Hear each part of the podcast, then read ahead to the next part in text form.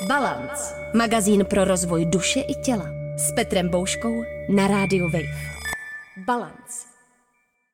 Posloucháte další vydání magazínu Balance na rádiu Wave. Tentokrát natáčíme v terénu na psychedelické klinice Psion a mým hostem je Filip Tilš, vedoucí lékař psychedelické kliniky Psion a psychoterapeut. Ahoj Filipe a díky za pozvání.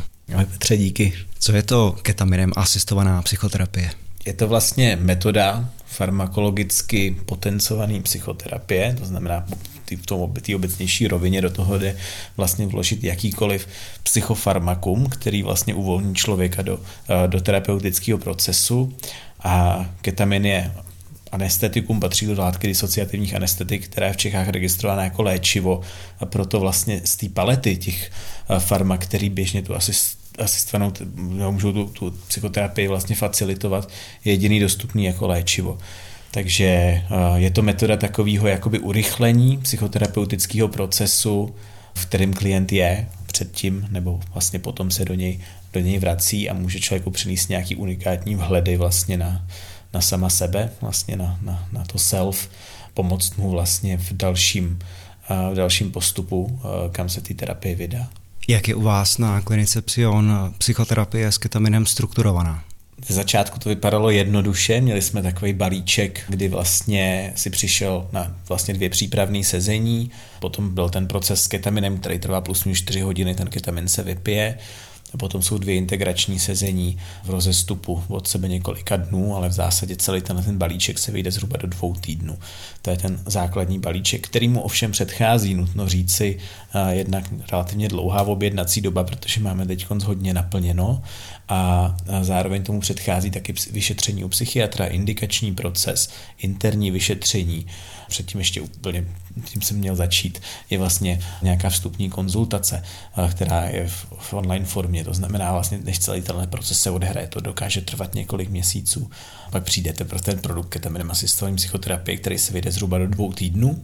Teď zavádíme nové možnosti, nové postupy, eh, jako je taková jako biologičtější verze vlastně té terapie s ketaminem, kde není nutný ten psychoterapeutický proces tak extenzivní a je vlastně rezervovaná pro poruchy psychiatrické, které se řekněme na nějakém tom jako části spektra, kdy jsou podstatně jako závažnější nebo náročnější. Typicky je to deprese, která je rezistentní, nenutně farmakorezistentní, ale prostě úporná deprese, depresivní porucha, obsedantně kompulzivní porucha, generalizovaná úzkostná porucha, kde vlastně zavádíme trošičku nový model, eh, kdy je možný vlastně mít po sobě tři ketaminové procesy po týdnu s nějakou krátkou integrací a potom, potom vlastně se to uzavírá tou integrací na závěr. To znamená, to vnáší taková jako novinka, kterou teď zavádíme. Hodně z posluchaček a posluchačů podcastu Balance psychoterapie je, pro koho je vhodná ta ketamenem asistovaná psychoterapie a co vlastně nového nebo jiného oproti klasickému psychoterapeutickému schématu do té terapie vnáší?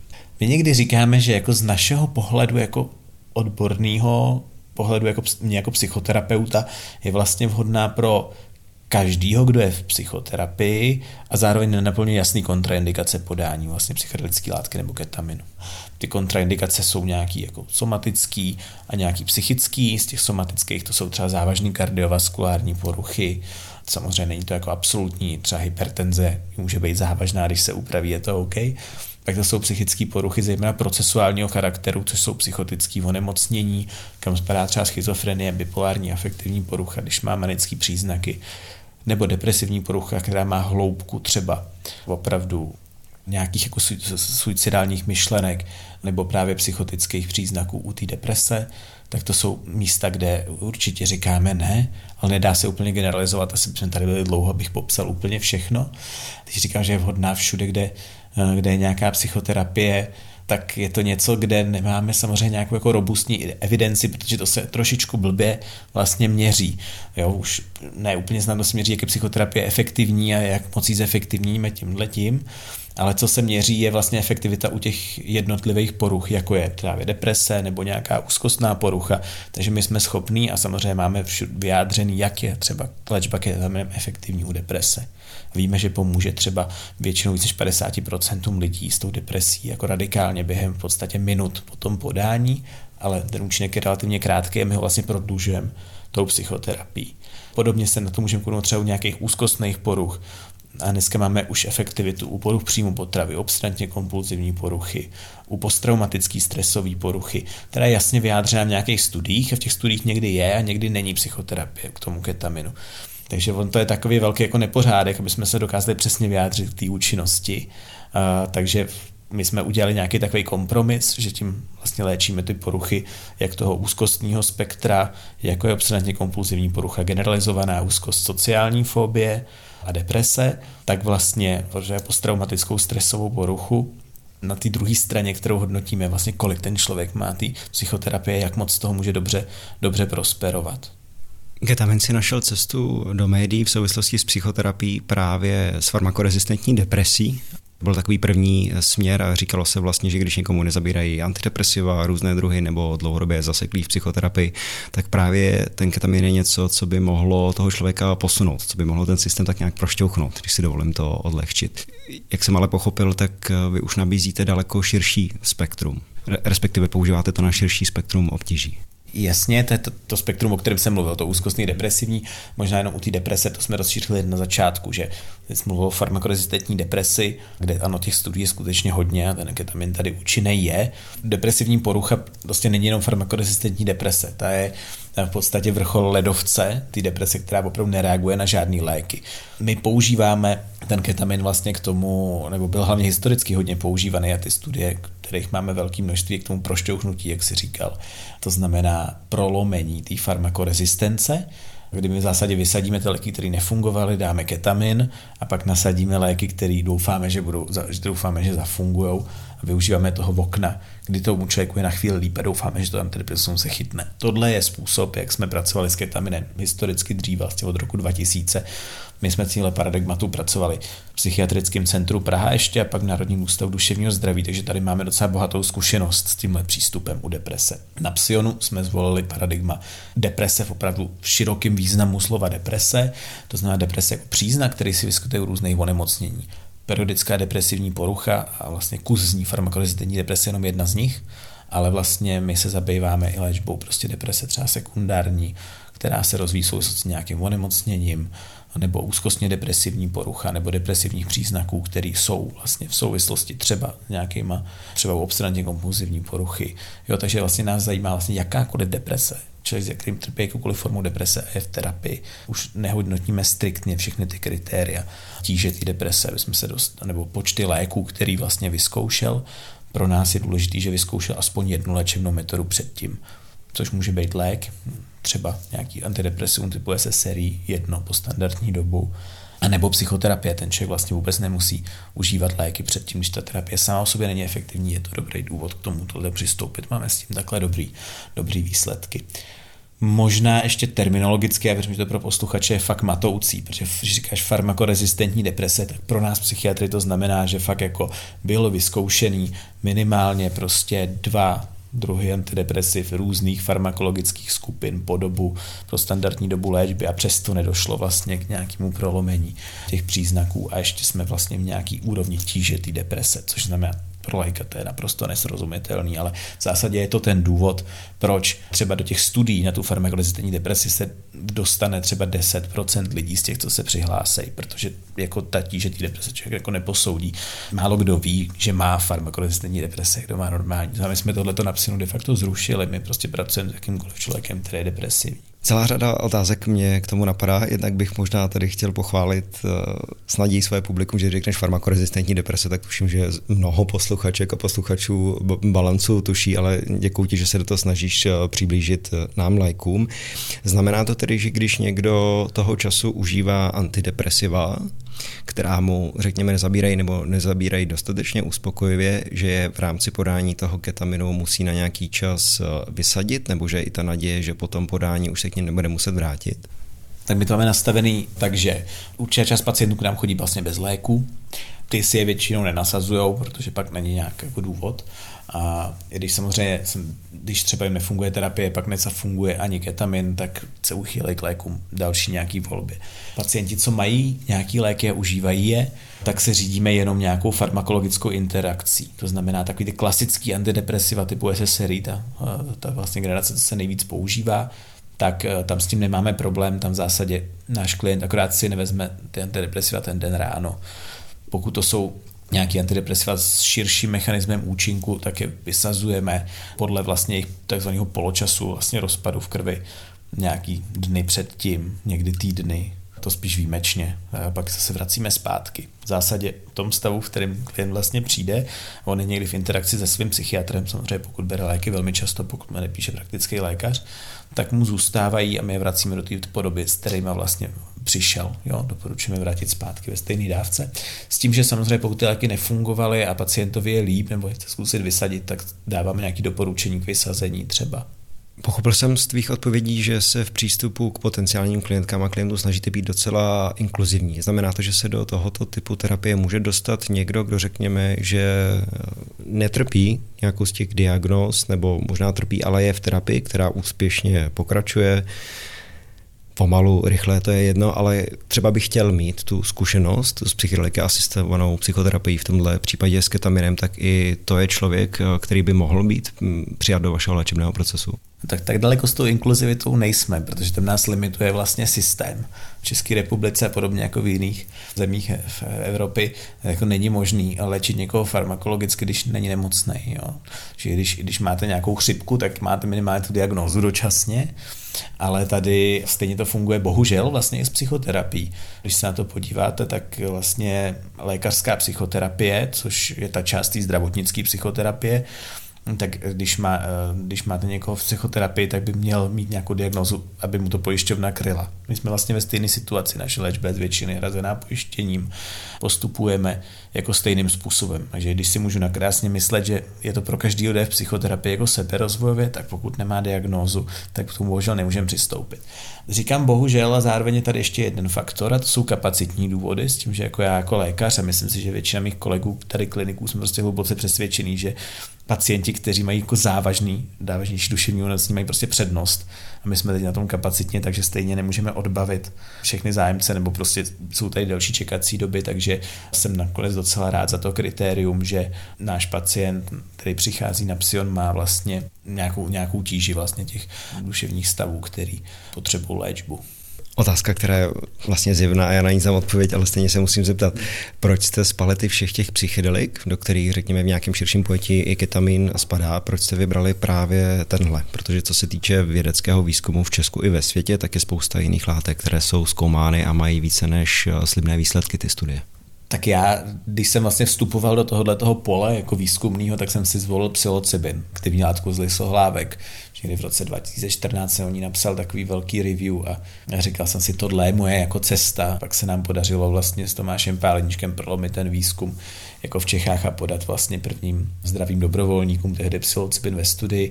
Od té doby jsme začali podávat pacientům v nudzu Národním ústavu duševního zdraví, respektive v rámci našich vlastních studií, teď koncnově v rámci studie Psyket a předtím vlastně studie Compass Pathways a ta, tam ta slibnost spočívá v tom, že je tady delší udržitelnost toho antidepresivního účinku, ta akutní vlastně změna jo, která potom ketaminu trvá řádově prostě třeba plus minus 10 dnů, tak tady trvá pravděpodobně, zatím nemá přesný data, ale až jako měsíce. Což je samozřejmě velký rozdíl a my, máme, my si myslíme, že vlastně tady je nějaký okno říká neuroplasticity vlastně, kde je nějak tvárná tam náš mozek, mozkový sítě, proto je té přístupnější psychoterapie, nebo vlastně není to jenom, jenom tady to v období, ale může se z toho období ještě dál vytěžit vlastně pro zbytek života našeho pohledu. A, takže to se snažíme dělat s ketaminem, ale samozřejmě psilocybin by pro tohleto byl jako potenciálně vhodnější z těch studií. Takže psilocybin, podobně jako ostatní psychedelické látky, jsou na seznamu kontrolovaných látek a zároveň, když s pracujeme ve studiích, tak jsou v režimu experimentální látka. To znamená, my je vyjmeme z toho seznamu, nebo respektive obrazně řečeno, jsou dočasně vyňaty pro nás, kteří jsme si podali žádost o klinické hodnocení na státní ústav pro kontrolu léčiv. A tohle je velmi přísně eh, kontrolovaný, jakým způsobem podáváme, kolik té látky je, jakým pacientům podáváme, jak hlásíme nežádoucí účinky a samozřejmě to taky velký, velmi nákladný takže řádově třeba prostě podání 60 pacientům v nudzu v rámci studie vyjde na 20 milionů třeba takováhle léčba. To je něco, co si nemůžeme dovolit a my, se psionuje přinést uh, psychedeliky asistovanou psychoterapii skutečně do kliniky k lidem, k populaci a být inkluzivní, jak se říkal v tomhle. Takže proto jsme volili ketamin, protože ketamin je léčivo. Je jediný ze všech psychedelických látek, který je vlastně v lékopise a my jako lékaři můžeme vlastně předepsat jakýkoliv lék v lékopise, když si myslíme, že to je dobrý nápad.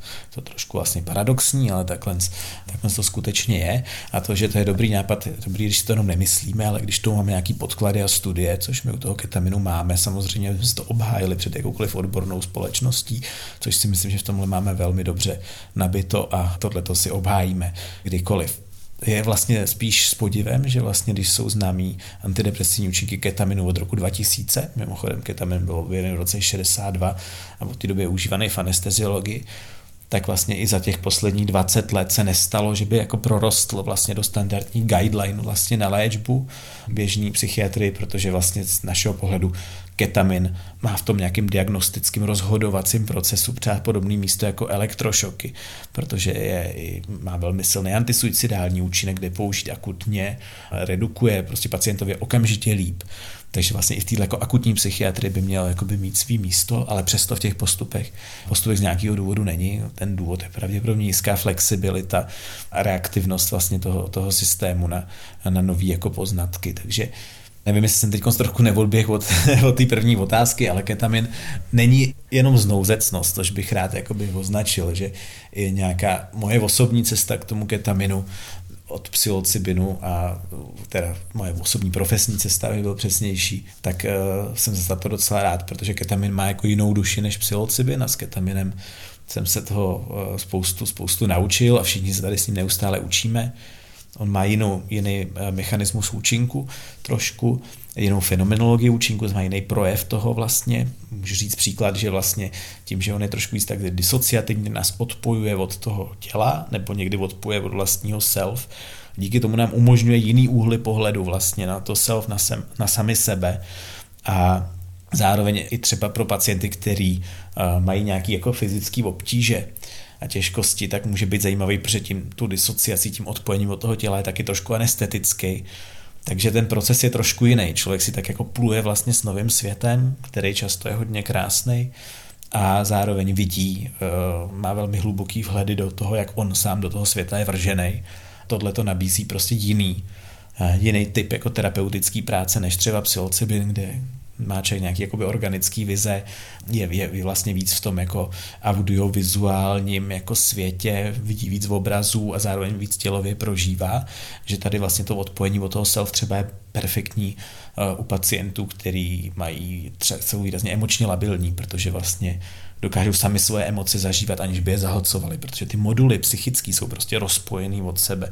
Takže ketamin podle mě nabízí úplně něco jiného. Kdybychom nakrásně měli psilocybin teďko eh, tady jako možnost podávat, i jako kdyby byl léčivo, tak ketamin určitě zůstaneme jako u jednoho z nástrojů dvě věci k té předchozí odpovědi, které mě zaujaly. A to první je právě to odpojení, protože když se pracuje v psychoterapii, tak e, odpojení je něco, co se používá spíš jako negativní a nežádoucí, v kterému se chceme vyhnout. Chceme se napojovat na tělo, na emoce, na, na prožitky a zdravě to všechno integrovat, ale ta disociace v rámci toho ketaminu, která, jak jsem pochopil, je něco jiného a dá nám to naopak možnost odstup, nahlédnout, jak jsi říkal, nahlédnout self odinut, tak vlastně v nějakém smyslu slova to naopak může být eh, spojení, že jak si nahlédneme nějakou svoji část v nějaké celistvosti nebo nějaké části v nějaké struktuře, která nám jinak v tom běžném prožívání uniká. V psychoterapii rozhodně není nic černobílý, ani tak to není vlastně s tou disociací.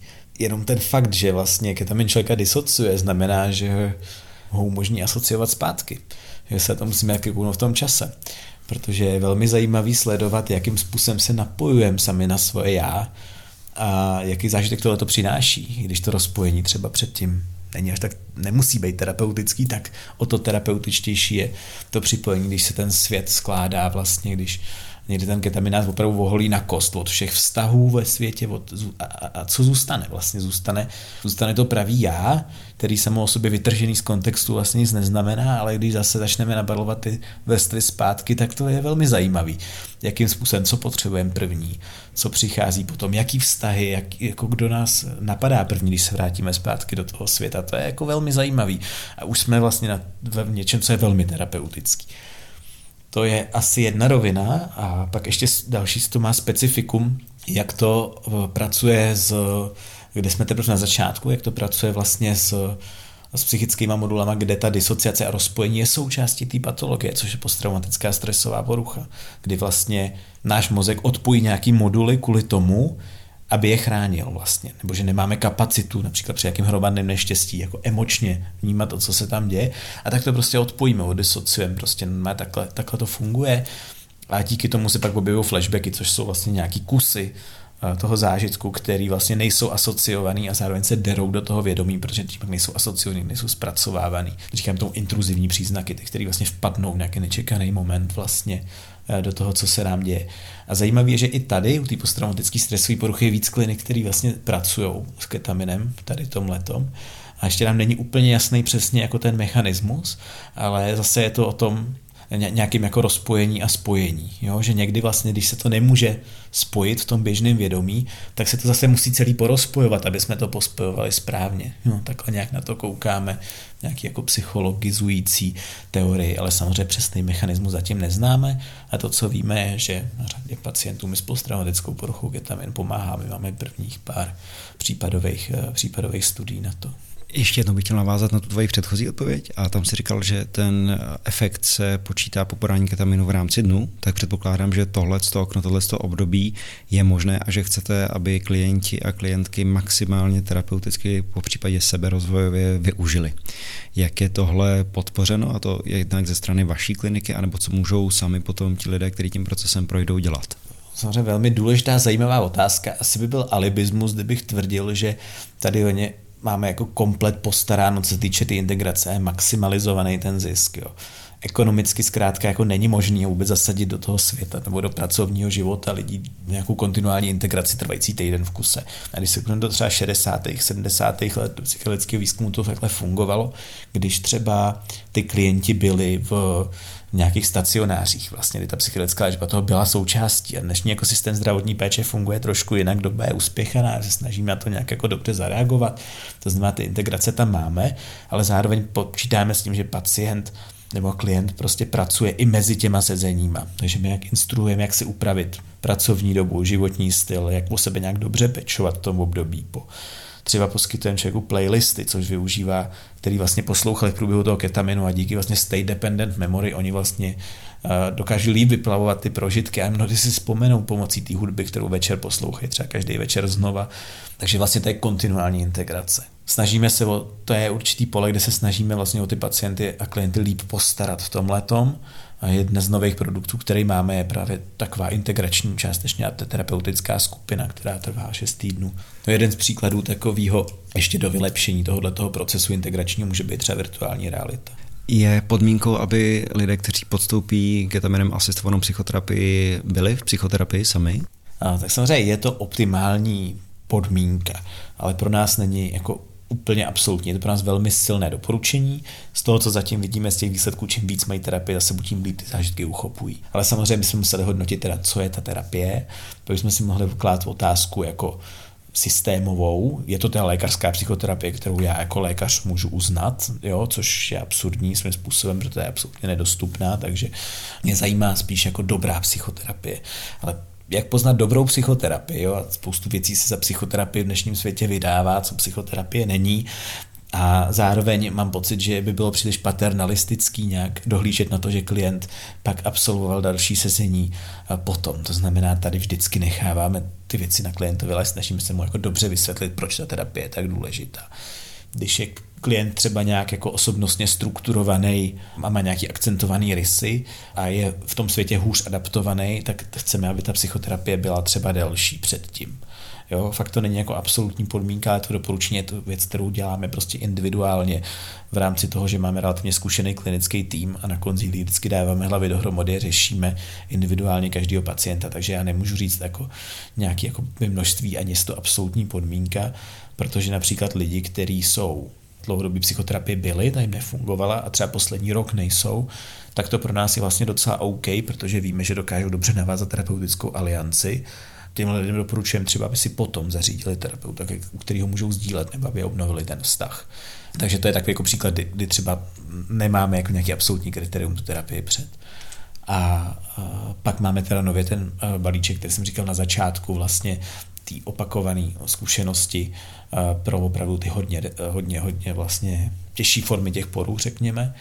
Tam ta psychoterapie není úplně nutnou podmínkou, protože vlastně u třeba jakoby tady jsou jako biologické formy deprese, kde, kde fakt chceme využít ten vlastně neuroplastický efekt toho ketaminu a prostě dát tam ty tři okna, ty neuroplasticity za sebou, spíš než se spolehat na tu terapii jako takovou, protože u hlubší deprese, tak to známe vlastně z psychoterapii u, u deprese, když ta deprese má určitou tíži, tak už si s tou terapií prostě moc neškrtne, musíme dostat klienta do nějaký terapeutizovatelné zóny, což můžeme udělat i tím ketaminem.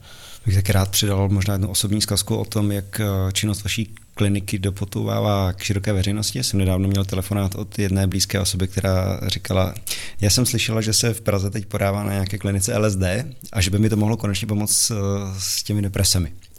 Já vím, že nepodáváte LSD a možná ani v dohledné době nebudete, ale jde mi o to, jestli někdy představa těch klientek a klientů není příliš zjednodušující a jestli tam nehledají nějakou panaceu v tom. To znamená, že podstoupím eh, jednou, dvakrát, několikrát sezení s ketaminem a už se mi finálně navždy uleví. A jestli to nemůže být psychoterapeuticky nahlíženo zase trošičku únik nebo neochota pustit se do toho hlubšího psychoterapeutického procesu klienti jsou hodně různí a samozřejmě se najdou takovýhle.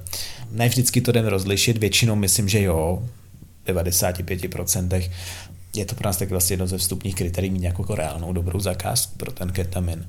A ve chvíli, kdy nemáme a když naplníme všechny ostatní kritéria, tak eh, vracíme třeba klienty do psychoterapie, aby, aby prostě přišli s nějakou jako trochu formulovaným záměrem, který bude nějak jako srozumitelný, jak co ten ketamin vlastně může udělat, když má nerealistické očekávání, tak k tomu vlastně nepřistoupíme.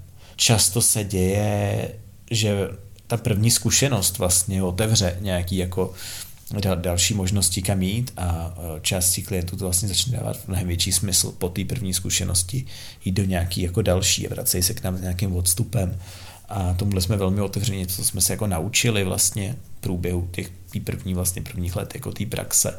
Někdy si myslím, že vlastně uh, i tady tahle ta další cesta jako je vlastně ještě smysluplnější třeba, ale zase na to část klientů potřebuje nějaký čas, pro část klientů to může být výhodnější, to zopakovat dřív tu zkušenost. A zejména u těch opakovaných zkušeností jsme v tomhle tom pozornější a ptáme se, není tohle to nějaký bypass, koukáme se prostě na, na to, jak klienti tu zkušenost využívají, jako co je její funkcí.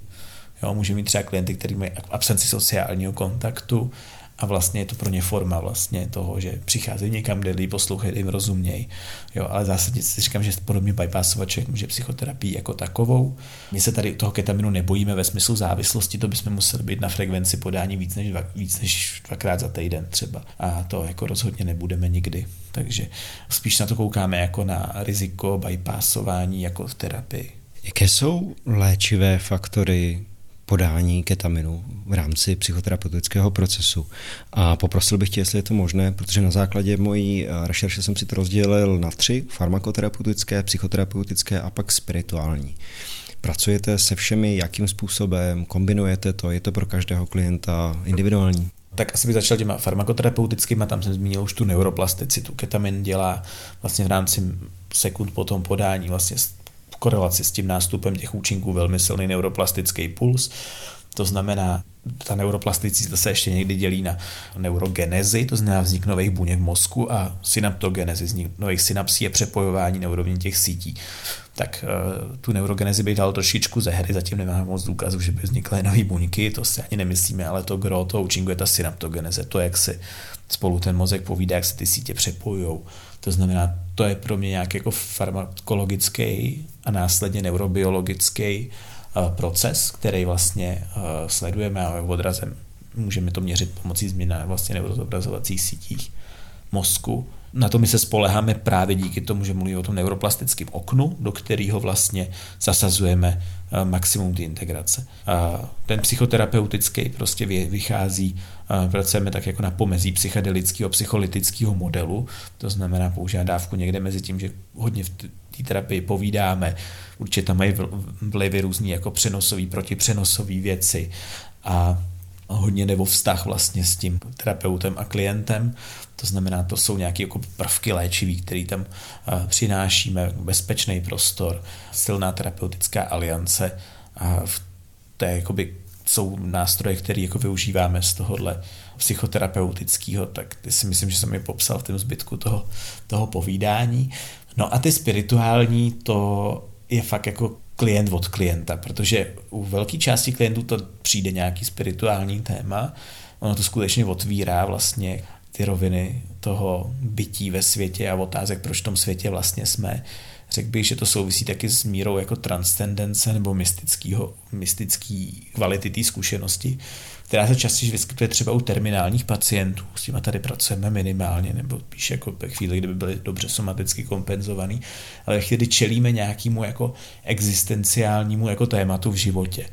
Tam jako jednoznačně. A pak samozřejmě u pacientů a klientů, kteří jsou uh, věřící. No, jedno jaký náboženství, ale, eh, nebo jaký druh víry, ale u nich samozřejmě jako eh, se častěji setkávají vlastně, eh, nebo častěji ty obsahy jsou plný tohohle toho my k tomu přistupujeme tak, že třeba u těch příprav, když víme, že se prostě spíš to v křesťanství nebo spíš se zabývá nějakými buddhistickými meditacemi, tak máme jako různý terapeuty, kteří jsou víc doma v různých těchto oblastech, takže se snažíme i směřovat uh, toho klienta k terapeutovi, který třeba tohleto téma nějak jako, jako zná, je mu srozumitelný, Jinak pracujeme přísně, eh, ne, jako ne, neortodoxně v tom letom a snažíme se, aby když máme ty otázky ohledně víry a spirituality, tak jsme neimprintovali ani to, že tady nějaká nutně musí být pro ten zážitek. Prostě je to něco, co jako tomu dává určitě velkou přidanou hodnotu, ale chceme, aby vlastně ten klient se s tím setkal sám a přinesl tenhle materiál a pak jsme schopni s tím pracovat všichni naši terapeuti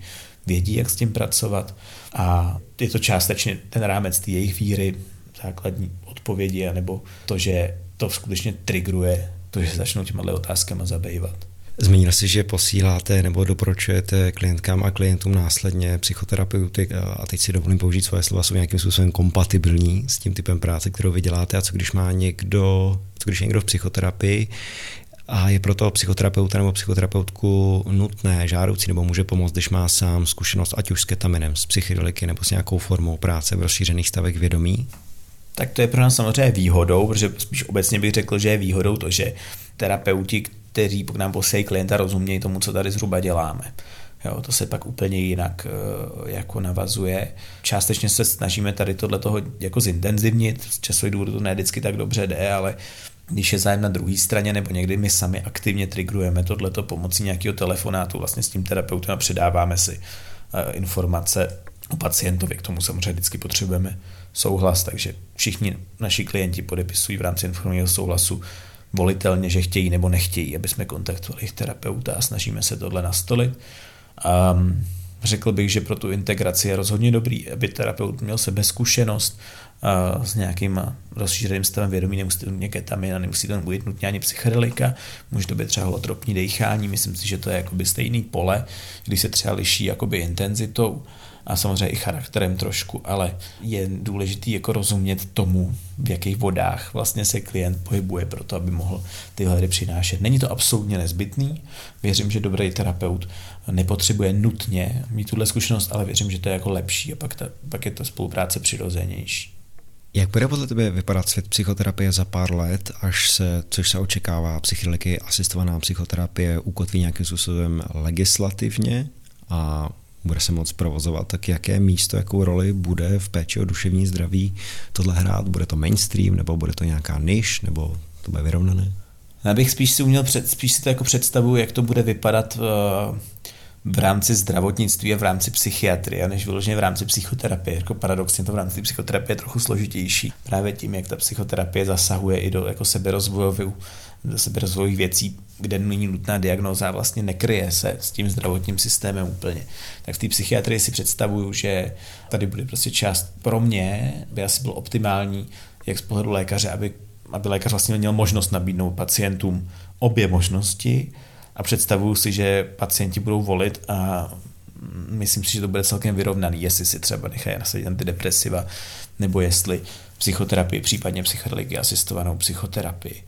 Jo, myslím si, že psychedelika asistovaná psychoterapie zintenzivně to psychoterapie dávají jakoby jiné možnosti Nemyslím si, že to musí absolvovat každý. Myslím si, že uh, určitý spektrum pacientů bude reagovat na psychoterapii per se a některý pacienti rozhodnou si to prohloubit a že ten rozcestník té terapie a léků, anebo obojího, prostě bude podobný jako teď. Budou tady pacienti, kteří určitě budou preferovat rychlý zfunkčnění pomocí antidepresiv, který není zase tak rychlý, jo. to je 6 až 8 týdnů, než nastoupá ten účinek, ale u těch lehčích forem, že si na to počkají a nebudou chtít přerušovat pracovní proces, protože ta psychologie asistovaná psychoterapie sice může mít třeba ten antidepresivní účinek tam je, ale přesto může otevřít témata, které třeba budou náročnější, nebo pacient může být úzkostnější a může to být jako, může to otvírat věci, které budou vyžadovat třeba delší terapeutický kontakt a jsou samozřejmě i větší jako socioekonomická zátěž, takže jako z tohohle pohledu si myslím, že prostě oboje bude mít svoji klientelu. Jak to bude vypadat v tom světě psychoterapie, si teda nejsem jistý, to hodně závisí na tom, jestli psychoterapeuti nezdravotníci budou mít vlastně možnost s tím pracovat, tak eh, pro mě mám na to nějaký jakoby svůj pohled, který souvisí s tom, že jako pořád ten zdrav, pracujeme s farmakem nějakým, takže ten zdravotník by měl posoudit to, jestli to je dobrý nebo není dobrý nápad a jak tomu klientovi je. Ale v zásadě, co se týče toho provázení tím vlastním procesem, tak nevidím důvod, proč by to musel být nutně jenom zdravotník. Ale pokud chceme, aby to byl zdravotní výkon a pojišťovnu, tak je dobré, aby to byl třeba zdravotník i nezdravotník. Takže pro mě je důležité, aby vlastně v tom, tom kontextu pracoval šikovný psychoterapeut, který rozumí tomu prostoru těch látek. A pak je mi jedno vlastně, jestli to je zdravotník nebo nezdravotník co se týče toho vlastního procesu. Co se týče té tý indikace a zkontrolování pacienta po tom procesu, tam bych zase radši viděl lékaře. Protože jsme na poli veřejnoprávního vysílání a ketamin se používá i jako rekreační droga, tak tě poprosím o tvůj komentář a typuji, že i varování pro lidi, které by mohlo napadnout, že si uleví od nějakých psychických obtíží eh, ketaminem sami. Tak já nevím, jestli jsem to možná eh, nevystihl v průběhu celého toho hovoru, tak eh, vůbec ta psychedelická zkušenost jako taková, i když je vlastně v legálním rámci s ketaminem, který je léčivo, může otvírat potenciálně i nějaký docela nebezpečný stavy až propasti. Jedno z nich může být takovým strašákem, je třeba retraumatizace. Takže opakovaně vídáme, protože my se staráme vlastně i o lidi, rekreační uživatele, například v rámci festivalu a tak podobně, že ten set a setting, který čeka obklopuje to nastavení toho okolí, může zvolit velmi nevhodně a opakovaně vidíme důsledky toho, co se může stát, když se to vlastně podá bez nějakého vlastně odborného dohledu tak si myslím, že to může být samozřejmě seberozvoj, může být taky velmi problematický a jinak samozřejmě nakládat s ketaminem je e, nelegální, je to látka, kterou pořídíte jedině na černém trhu, pokud, pokud se e, nepořídí v lékárně v rámci zdravotnického zařízení, takže tohle to není legální a za mě může být dost nebezpečný. V dnešní vydání podcastu Balance mluvil Filip Tilš, vedoucí lékař psychiatrické kliniky Psion a psychoterapeut a bavili jsme se o ketaminem asistované psychoterapii. Filip, já děkuji za tvoje slova. Ahoj. Díky moc za pozvání, ahoj. Balance. Pokud máte rádi podcast Balance, podpořte ho prosím i letos v anketě Podcast roku. Hlasovat můžete na podcastroku.cz. Balance. Překonejte limity vlastní hlavy. Balance. Přihlaste se k odběru podcastu na wave.cz lomeno podcasty a poslouchejte Balance kdykoliv a kdekoliv. I offline.